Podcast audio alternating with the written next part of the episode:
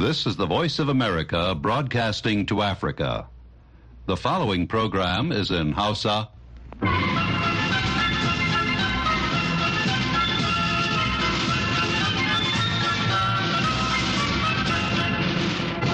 Sashen Hausa na murya Amurka ke magana daga nan birnin Washington DC. Masu sauraro Assalamu alaikum barkanmu da wannan lokaci. Yanzu ma Muhammad Hafiz Baballe ne tare da Sarfila Hashim Gumel da sauran abokan aiki ke farin cin gabatar muku da wannan shirin na daren yau Asabar. Bayan labaran duniya za mu kawo muku shirin zauren BOA da Madina Dauda ta shirya za ta gabatar. kamar kowace ranar asabar ibrahim kalima si garba zai shigo mana da shirinsa na amsoshin tambayoyinku amma kafin nan sai a gyara zama sauran labaran duniya daga bakin sarfil hashim gumel jama'a salamu alaikum da fatan an yi na lafiya ga labaran duniya Yau Asabar jiragen yaƙin Isra'ila sun hari kan birnin Rafa na Gaza bayan da Firaministan Isra'ila Benjamin Netanyahu ya ba da umarnin shirin kwashe fararen hula daga birnin kan iyaka da kudancin ƙasar gabanin farmakin da ake sa ran za a kai ta ƙasa. Kamfanin dillancin labarai na Associated Press ya rawaito jami'an kiwon lafiya da shaidun gani da ido sun ce akalla mutane 44 ne suka mutu ciki har da yara fiye da goma. lokacin da wasu hare-hare ta sama kan wasu gidaje a yankin rafa ofishin Netanyahu ya faɗi jiya juma'a an umarci sojoji da samar da wani shiri na kwashe fararen hula a rafa tare da lalata bataliyoyin hamas huɗu da ya ce an girke su a can ukraine ta ce hare-haren jiragen saman rasha da aka kai kan birnin kharkiv na birni na biyu mafi girma a ukraine a yau asabar ya kashe mutane akalla bakwai ciki har da ƙananan yara uku tare da haddasa gobara da ta lalata gidaje da sauran kayayyakin more rayuwa na fararen hula. Jiragen sama marasa matuƙa sun kai hari da yammacin jiya Juma'a a kusa da Kharkiv birni mai bi mafi girma a Ukraine in ji jami'ai. Gwamnan yankin Ole Sinhob ya rubuto a kafar Telegram cewa jirage marasa matuƙa sun lalata ababen more rayuwa na fararen hula a gundumar Nakashilansky na birnin. harin da jiragen saman shahid da iran ke kerawa ya haifar da wata gagarumar gobara ta yi sanadin lalata gidajen jama'a akalla goma sha huɗu masu aiko da rahotanni da gidan talabijin na line sun ga yadda wata gobara tashi a cikin birnin rundunar sojin saman ukraine ta ce ta kaɓo jirage marasa matuka 23 daga cikin 31 da rasha ta harba Hukumar ƙwallon ƙafa ta Iran ta faɗi yau Asabar cewa ta buƙaci hukumar ƙwallon ƙafa ta duniya FIFA da ta dakatar da hukumar ƙwallon ƙafa Isra'ila saboda yaƙin da ƙasar ke yi a Gaza. A cikin wata sanarwa da hukumar ƙwallon ƙafan ƙasar ta Iran ta fitar a shafin ta yanar gizo, Iran ta buƙaci FIFA da ta dakatar da hukumar ta Isra'ila gaba ɗaya daga duk wasu ayyukan da suka shafi ƙwallon ƙafa. buƙatar ta kuma buƙaci a ɗauki matakin gaggawa na fifa da mambobinta don hana ci gaba da aikata laifukan da isra'ila da samar da abinci da ruwan sha da magunguna ga mutanen da ba su je ba su gani ba fararen hula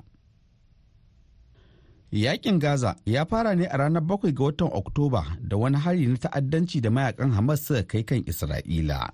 Hakan ya yi sanadin mutuwar mutane kusan 1,200 akasarinsu fararen hula. A cewar wasu alƙaluman kamfanin dillancin labarai na ap da ya bayar bisa alƙalamin hukuma na isra'ila. Labaran duniya zuwa muku ne daga nan sashen hausa na muryar amurka a birnin washington dc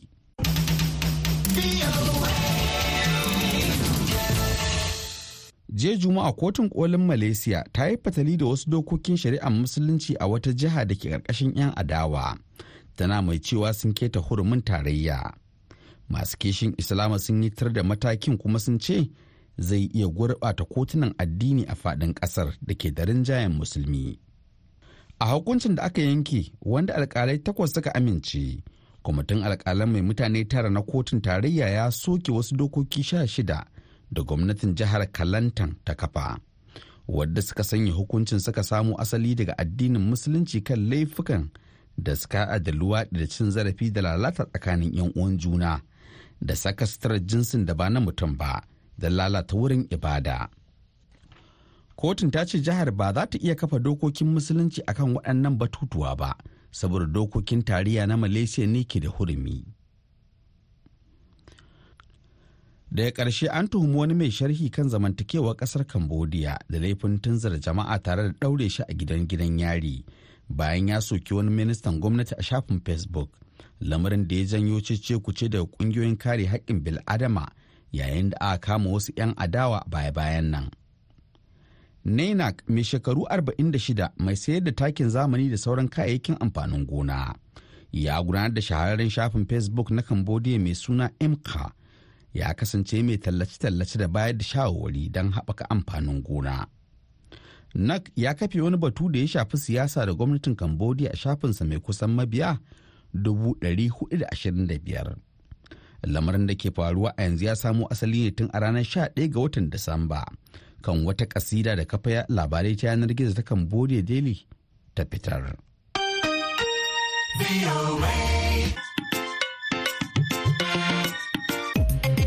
Labaran duniya aka saurara daga nan sashen Hausa na murya Amurka a birnin Washington DC.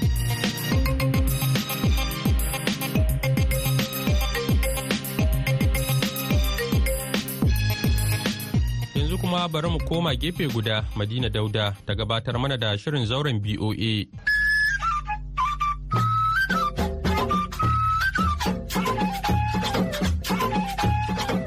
Jama'a muna muku maraba da shigowa zauren VOA. Har yanzu muna birnin Legas. tare da abokin aiki na baban gida Jibrin wanda ya haɗa shirin kuma za mu tashi ne a inda yake yi wa ɗaya cikin manyan baƙin wata tambaya mai muhimmanci. Baban gida gare ka. To dokta wani tasiri ko kuma illa wannan cire tallafi wa harkokin tattalin arzikin Najeriya wato cire tallafin man fetur da aka yi. Wato a wahalhalun da aka shiga daga rabin shekarar da ta gabata kawo yanzu kusan cire tallafi zai ja kimanin kaso 30 zuwa 40 cikin 100. Ai bai taimaka a kasan nan da komai ba sai wahalhalu da ya kara al'umma. Ya kara tsadar kusan komai sannan kuma al'umma ba su amfana da shi ba. Abin da ya bi shi ba da matsala shine wannan kuma karya naira da aka yi. Saboda haka ba fa'ida ba ne. Kuma babu ƙasar da ba sa wannan tallafin. A kullum world bank ko bankin duniya da sauran ƙasashen turai suna cewa mu daina tallafi. A daidai lokacin da su kuma suke yin wannan tallafin. Yanzu da aka samu wannan matsala tsakanin rasha da ukraine aka samu tsadar makamashi a turai musamman a turai mu wannan mun samu amma musamman a turai. Kasar germany saboda tsadan makamashi da suka hanga za ta yi kuma al'ummarsu ba za su haƙura ba za su iya musu bore akan wannan sai da suka yi tallafi na euro biliyan 200 yanzu tallafin tun daga shekara ta 2021 zuwa ina ga watan zai kare ko dai watan mai ne ko watan maris na wannan shekarar. Amma tun yanzu al'ummar sun fara korafi fa ba su yadda a dakata da wannan abun ba sai an ci gaba. Faransa sun yi ingila sun yi dukkansu kowanne za ka ji daga fam biliyan 37 fam biliyan 70 euro biliyan haka haka da suke wannan tallafin a yanzu a wannan magana da muke. Kuma na makamashi ne abin da ya shafi lantarki gas da makamantansu. Me yasa za a ce najeriya ƙasa kamar najeriya mai tasowa mu ba za ba? Idan muka duba a tsawon shekara goma daga shekara ta 2010 zuwa shekara ta 2011 ƙasar iran ta yi tallafin da ya kai kimanin dala tiriliyan ɗaya a tsawon shekara goma. Ƙasar china sun yi na sama da dala biliyan 400 ƙasar saudi arabia sun yi na sama da dala biliyan 512 amma najeriya tallafin da muka yi gaba ɗaya bai wuce na dala biliyan 28 ba a tsawon shekara goma. Amma kuma kullum mu ake korafin muna tallafin man fetur. Kamar cutar da ƙasar ake so a yi kuma amma mahukunta suna aminta da wannan matakan suna ɗauka kuma muna ganin illar da yake wa tattalin arziki da al'ummar ƙasar nan. Saboda haka muna ganin a har a yanzu ya kamata ce ana yin wannan tsari na tallafi. Sai dai idan an yi tsarin ya zamana ana bibiya ana tabbatar da cewa waɗanda ya kamata su amfana da tsarin shi suke amfana kada a dinga yin arin gizo. Misali akwai matsaloli da dama da ake fuskanta da ake tunani da suke tattare a cikin shi babban kamfanin man fetur na ƙasa. Yanzu kaga a doka da aka yi cewa aka yi man shi kamfanin nnpc kaso talatin kadai zai iya kawa na mai zuwa ƙasar nan. Sauran kaso saba'in 'yan kasuwa su kawo.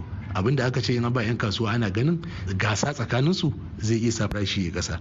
In ka je ka so mai tsada wani je so mai arha nashi zai zo sai da sauƙi mutane za su yi ci akan nashi dole kowa ya je ringa nemo mai sauƙi mai kyau kuma.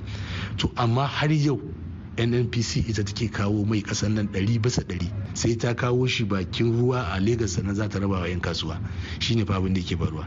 Saboda haka nawa suke siyo shi me yake faruwa ya ake yin kasuwancin har yau ba wanda ya sani. Ana yin abu ne a dukunkule. So irin wannan bai kamata a bar wannan tsarin ba. Ya ci gaba ya kamata duk a ce an yi musu tufka. To zan sake koma wajen bakin da ke wannan zaure domin jin abin da za su ce. Malami na gaba bismillah. Assalamu alaikum wa rahmatullahi ta'ala wa barka. Suna na Dairu Ibrahim daga Lagos Island. Gaskiyar magana game da yanayi na tattalin arzikin kasa jama'a da dama sun shiga cikin wani yanayi mara daɗi kasancewar wasu suna da 'yan ƙananan sana'o'i da 'yan ƙananan jari wadda za ka ga sanadiyar wannan matsala tattalin arziki na kasa an samu karaya ta arziki daga waɗannan mutane wadda za ga wani jari su fi kamar naira dubu ɗari biyu wani ɗari wani miliyan da wani miliyan kayan da mutum yake siya naira miliyan ɗaya da yanzu ya dawo bai fi naira dubu ɗari biyar ba. Kayan da mutum yake siya miliyan ɗaya wani ya dawo bai fi naira dubu ɗari huɗu ba. To duk abin da ka siye shi naira ashirin a wata shida bakwai baya yanzu in ka zo a sati idan ka je ka za ka siya kwatankwacin wannan abu sai ga koma naira ashirin da biyar ko naira talatin wadda wannan abun ba karamar barazana ba ne ba da kuma illa ga mu mutanen da muke da ƙananan ƙarfi a cikin wannan ƙasa ta mu Najeriya. So shawara kuma ga gwamnatin muna ba su shawarar da su taimaka su dinga duba yanayi na rayuwa na su irin waɗannan mutane kamar yadda muke a ciki a yanzu. Su dinga duba yanayi na tallafi da za mu iya samu daga gwamnati ko kuma dai wasu abubuwa makamancin wannan. Sassauci daga gwamnati dai shine wanda muna fatan gwamnati za ta duba irin waɗannan abubuwa. Da zamanto an samu sauƙi na rayuwa. Allah samu dace. Da mu sake koma wajen dakta mu ji abin da zai ce wato dakta dauda kenan. Kamar yadda muka bayani a ko lokaci da ake ta ba gwamnati shawara ta faɗaɗa hanyoyin samun kuɗin shiga ta rage dogaro da man fetur. Saboda shi man fetur ba ko lokaci yake kuɗin shi ke wadata ba. Saboda wani lokaci za ga kasuwan shi ya faɗi a duniya. To idan ya faɗi za ga kuɗin shigan ya na ƙasa to hanya shine ko gwamnati ta yorance idan kuma ka duba za ga irin bashin da gwamnati ta ciyo da gwamnatin baya da kuma gwamnatoci da suka wuce wanda shi bashin ka gani shi ma biyan shi da kuɗin ruwan shi shi ma yana da matsala. To kamar yadda masana suke bayani shine gwamnati ta ƙoƙari ta haɓaka wasu sauran hanyoyi na noma misali da haƙan ma'adinai wanda yake na ɗaukar lokaci musamman haƙan ma'adinai sai an shigo da ƙwararru wanda suke da injinoni da kuma fasaha na sarrafa wayannan ma'adinan. To amma babban abin da zai kawo ci gaban wannan fanni na noman da na ma'adinai shine sai an inganta tsaro. Saboda yanzu idan ka lura duk yawancin wayannan wurare da suke da wayannan ma'adinai din a rashin tsaro ya addabe su. Mutane suna jin tsoron shiga wurin ko su yi noma ko su yi wannan hakon ma'adinai din. To idan gwamnati ba ta maganin wannan tsaron ba kaga zai yi wuya a samu gajiyan wannan fanni din. Haka kuma kamar yadda muka ce tun da tattalin arzikin in ba an buɗa shi ba ya zama cewa ƙasan tana da kayayyaki da suke sarrafawa take da ci gaba. Mafi akasari za ga cewa masu shigo da kayan ko sun shigo da kayan ai sai mutane suna da halin da za su saya. To idan mutane ba su da halin saya kaga ko mai shigo da kaya shigo da shi ka gani ba zai samu mai saye ba. To saboda haka kuma shi haraji na shigo da kayayyaki da kwastam take karɓa sai in tattalin arzikin kasa na haɓaka ne yana tafiya daidai. To shine ana shigo da kaya gwamnati kuma tana samun haraji. To babban shawarar da za a ba gwamnati kamar yadda muka faɗi shine ta inganta tsaro kuma ba wai ingantawa ba a tunkare shi gaba ɗaya a yi maganin rashin tsaron nan saboda a harkar noma ya farfado da kuma harkar ma'adinai. Sannan kuma kamar shi wannan blue economy watan na harkokin teku da tsabtace shi da sarrafa ruwan shi kamar akwai wasu ƙasashe da suke makwataka da mu suna da bukatan wannan ruwan na teku saboda kai kayayyakin su to kaga idan muka samu arzikin da muka faɗaɗa wannan tekun aka share shi ma hanya ne da zai sauƙaƙa hanyoyin sufuri da misali kaga akwai harkan wajejen baro da aka ce za a iya kawo kaya wurin. To kaga ya rage da sai an ɗauko ko da mota ko da jirgin ƙasa wanda haka nan ma kuma zai ma inganta hanyoyinmu zai kuma ba da aikin yi. To amma duk yin wannan sai in tattalin arziki din ya samu cigaba kuma sai in gwamnati ta yi haɗaka da wasu ƙasashe da suka ci gaba ko kuma suke da tattalin arziki mai ƙarfi wanda suke da sha'awa sun kware ta wannan fannin na shi wannan arziki ta hanyar ruwan teku. Akwai ƙasashen da suka ci gajiyan shi da yawa. To idan gwamnatin najeriya za ta yi haɗaka da irin wayannan ƙasashen to za a iya samun cin gajiyan wannan lamari. A nan shirin ya kawo jiki gaba ɗaya a madadin ɗaukacin ma'aikatan sashen hausa na muryar amurka da baban gida jibril wanda ya haɗa shirin a birnin Legas. Sai solomon abo wanda ya daidaita sautin shirin. Madina dauda ce ke cewa ku kasance tare da mu makon gobe domin jin wani sabon shirin daga ƙasar nijar. Mu huta lafiya.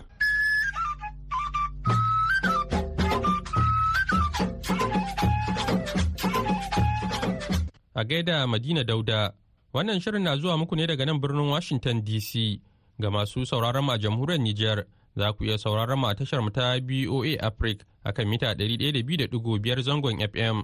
Za a iya samun mu ta yanar gizo ta adireshin mu boahausa.com ko kuma shafukan mu na kafofin sada zumunta na Facebook da X da kuma Instagram. Yanzu kuma sai shirinmu na gaba.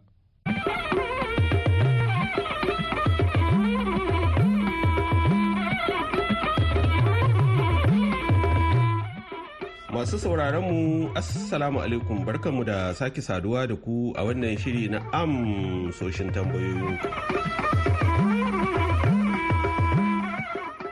Yau za a ji kashi na uku kuma na ƙarshe na amsoshin tambayoyin masu sauraron mu da dama da suka hada da Adamu Aliyu Ngulde da Buhari Yahaya Unguru da Adamu Habu Umar Taura jihar Jigawar Najeriya masu son jin tarihin azbinawa ko auzunawa da ke jamhuriyar Nijar. Musamman makoshin suna da alaka da wata kabilar kuma ta daban ko kuma wata ƙasar ta daban. Za kuma a ji ansar tambayar ishaq musa mai son jin takaitaccen tarihin gandun dajin yankari da ke jihar Bauchin najeriya. To idan masu tambayoyin da ma sauran masu sha'awar ji na tare da mu ga wakilinmu a yamai sulamu barma. Da ƙarashin ansoshin da ya samo daga masanin tarihi Farfesa Jibo Hammani da jami'ar Abdulmumuni Diofo da ke yamai wanda zai dan koma baya ya dora daga inda yake cewa. Abzina wanda ke wajen Agadas ko wajen Azawak sun yi wanda ke Azawak ko yawa kaga za ka samu yanzu cikin ƙasar tawa ko cikin ƙasar maradi akwai garuruwa da yawa na buzaye wanda ake sha na buzaye. Kuma garuruwan su ne. Kuma ƙasar su ce kaga eh, abun ga akwai sarauta ta abzinawa bunkuku ko? Akwai sarauta ta abzina balayara ta gazar akwai sarauta wajen da ƙwaro akwai kuma akwai da yawa waɗanda suka shiga ƙasar hausa har sun zama hausa yanzu.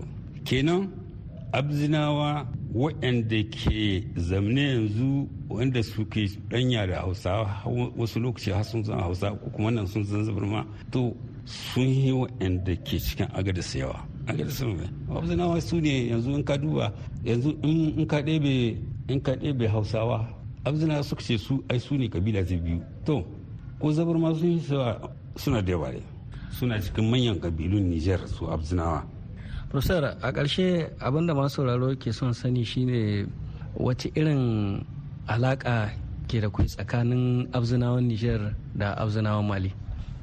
Eh, kasan abzinawa to abin ga biyu ne hanya biyu ce daga arewa wanda suka shigo Nijar da Mali akwai wanda suka taho daga arewa kama daga can wajen hagar ta Algeria ko wajen Libi suka biyo ko ta agaris directement wasu suka biyo ta bilma suka shigo nan ƙasar nijar.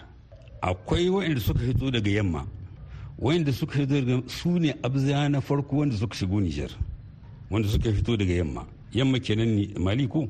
Wanda suka fito daga yamma suna da alaƙa da na nijar.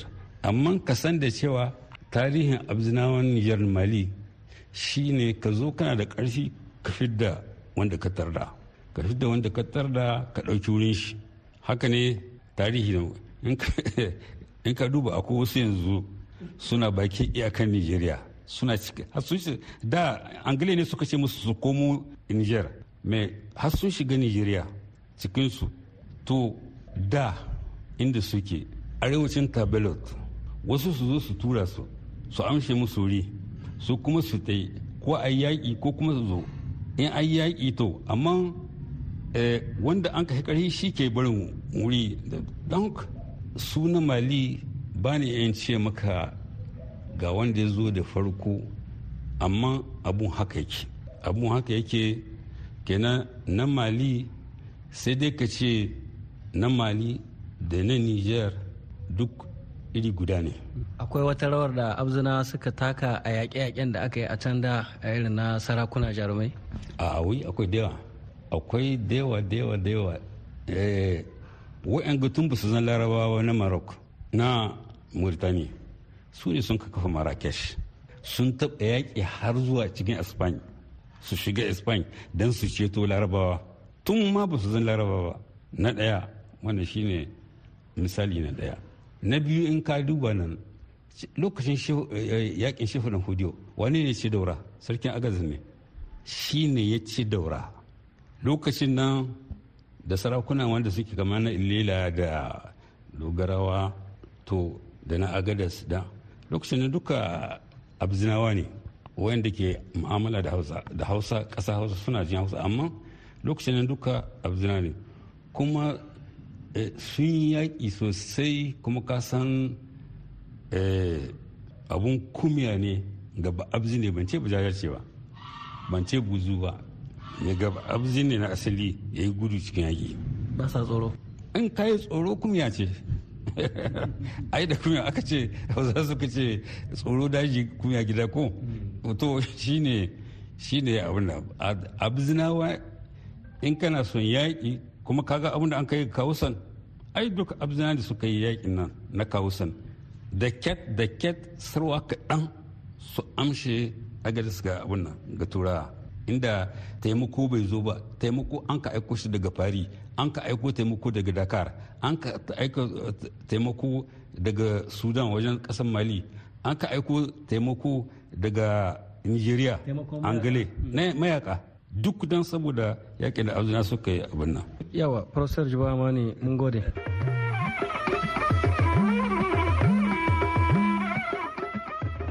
To sai kuma ansar tambayar Malam Ishaq Musa mai son jin ɗan takaitaccen tarihin gandun dajin Yankari da ke jihar Bauchi.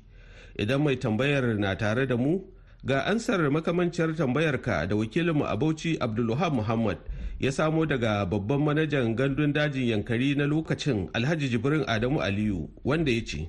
To shi dajin yankari alif dubu ɗaya da dari tara da hamsin da bakwai wani bature mai suna Alfred Marshall aka turo shi saboda ita gwamnatin arewa ta wancan lokacin ta kudurin yan kafa wannan gandun dajin a ƙarƙashin Bauchi Native Authority Forest Reserve. To dama asali shi wannan wurin yana da gari da ake kira yankari. So yankari ɗin suna ne na mutanen wurin dugurawa. ko za ka ga mana da yake harshe ne na daban ba hausa ba me yake nufi kenan wannan daji to shi asali dai kamar yadda na samu tarihi asali gari ne mai wannan sunan da mutane na zane a wurin saboda daura da shi akwai ruwan wiki ruwan wiki ɗin nan shi ma suna ne na yare. Wannan ruwan shi ne yake supplying mutanen wurin da abdar kasan ba da maka gari sai da ruwan sha. To ruwa ne mai bulbulowa kuma ruwa ne mai albarka wanda an san da shi. To da baturen ya zo ya samu su wayannan mutanen a cikin wannan wurin suna zanne da su bature zana wurin su sai suka tashi. Sai bature ya kafa base camp din sa wurin saboda ya dace bai kawo mutane da masu lura da daji aka ci gaba da harka na ƙoƙarin kare albarkatun da suke cikin dajin da dabbobi da tsire-tsire da kuma kayan tarihi. A wasu irin dabbobi ne ake samu ko kuma wannan daji na yankari ke tinkaho da su? To eh akwai dabbobi manya-manya da yawa. Muna da giwaye a yankari muna da zakuna da gwanki da bauna muna da gwambazozi muna da su muna kuma da nau'i irin abin da ya shafi kaman biri wanda muke kira primates. Muna da tsuntsaye gada bareyi da kuma dabbobi na ruwa tunda muna da koguna a cikin yankari din. Dabbobin suke cin yankari ba za su misaltu ba saboda girman wurin. Watun da kuma a fili aka bar su suke yawon su yawanci sai dai a dan ɗiba maka kaɗan kawai a gaya maka. Yawa to kenan babban wuri ne. Ya kuna da kiyasin girman wannan daji kuwa? Eto dajin yankari square kilomita 2,244 ka kiyasce a babban wuri ne ƙwarai da gaske kuma ba kewaye shi aka yi ba. Muna da iyaka da jihar taraba ta nan arewacin nigeria muna kuma da iyaka da jihar plateau kuma muna da iyaka da jihar gombe. Shin da gaske ne wannan daji ya nausa ya hada ma da wasu ƙasashe na afirka? Kamar yadda na gaya maka malam wahab dajin yankari ba kewaye yake ba. Kuma a ta nan gefen mu inda muka yi iyaka a arewa maso gabas tare da taraba ya haɗu da daji irinsa wannan ana kiransa gashaka gumti. Dabbobin yankari suna da korido da ya haɗa su da wannan dajin. Kuma shi gashaka gumti wani gandun daji ne wanda yake tattare da su mambila tsaunin mambila wanda shi kuma ya haɗe da cameroon. Cameroon kuma tana yankin central africa ne. Kuma ka san cameroon ta haɗe da central african republic ita kuma ta haɗe da congo ita kuma dai tana can kasa ta haɗe a great lakes region da wasu ƙasashe can na kudancin africa. Saboda haka dajin yankari ta haɗe da wa'annan dajin ta wannan gashi haka gwamnati ne wato idan haka ne ma mai yiwa wasu dabbobin za su iya shigowa ko kuma su fita shiga cikin wannan ƙasashe ai kasan shi dabban da yake irin reserve irin wannan ai ba tsare shi aka yi ba gandu ne aka ɗeba babba kuma da hanya da corridor da za su iya shiga su fita. Wannan daji mallakan waye ko na hannun gwamnatin jihar bauchi ko kuma na hannun gwamnatin tarayya? To dajin yana ƙarƙashin gwamnatin jihar bauchi ne a yanzu. Amma da farko yana ƙarƙashin bauchi native authority ne. Northern nigeria a ƙarƙashin bauchi native authority forest reserve. Daga nan ya fita ya shiga hannun jiha da aka yi jiha 1976 daga nan kuma ya koma hannun federal government da 1991 aka kuma koma wajen 2006 gwamnatin mu'azu aka sake dawa da shi jihar bauchi. A yanzu haka ƙarƙashin jihar bauchi yake? To akan ce akan yi koko don riba ne. Dajin yankari na samun kuɗaɗen shiga kuwa? Ito dajin yankari ka san ba kawai maganan yawon shaƙatawa ba ne. Babban makasudin kafa dajin yankari shine a kare wannan albarkatun da suke cikinta saboda a ci gaba da yau da kullum abin da muke kira conservation. Kuma abu ne wanda ke bukatan kuɗi mai yawa wanda kuma shi kaɗansa in kai ka samu biyan buƙata. Saboda ana maganan global warming ana maganan canjin yanayi da ke kawo matsaloli da yawa. Shi kansa yawon shaƙatawa ita gwamnati ta yi ƙoƙari matuka don ta ga cewa an yi gyara a cikin dajin yankari saboda a samu ƙarin wannan kuɗaɗen na shiga. Kuma ana samu kuma ana kawowa gwamnati na amfani da shi saboda sawa mutane moriya na demokradiyya. Kamar za ka yi gaya mana nawa take samu a shekara? Ito kwanaki duka abubuwan da ake yi din an mai da shi ya zama kwamashe wato na kasuwa. Shi kuma ka san rekod na kasuwa baka faɗansa. Ana ce man sirri ne commercial secret. Amma alhamdulillah canje-canje da aka yi da ayyukan da aka yankari a gaskiya an samu canji matuka kuma gwamnati na amfana. Shin waɗanda suke zuwa shaƙatawa wajen 'yan ƙasa ne wato 'yan najeriya ne kawai ko kuma dai akwai wasu ma da suke zuwa da ƙasashen waje? A dajin yankari ya yi suna kamar yadda ka faɗa malam abdulhab kuma mutanen da ke zuwa sun ƙunshi mutane daga ko'ina a duniya. Wanda suke zuwa dajin yankari sun fi yawa daga ƙasar waje saboda mutanen ƙasar waje su suka fi fahimtar amfanin yawon shaƙatawa.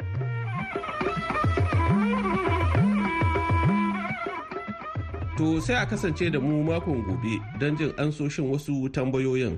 Yanzu a madadin waɗanda suka ansa mana tambayoyin Farfeso Jibo Hammani na Jami'ar Abdulmumuni Diofo da ke Yamai da wakilinmu a Yamai ɗin Salmamuni Barma da kuma Alhaji Jibrin Adamu Aliyu da wakilinmu a Bauchi Abdulwahab Muhammad da mu Julie Leather da kuma injiniyan mu ni Ibrahim Kalmasi Garba ke cewa sai makon goben idan Allah ya kai mu. wassalam.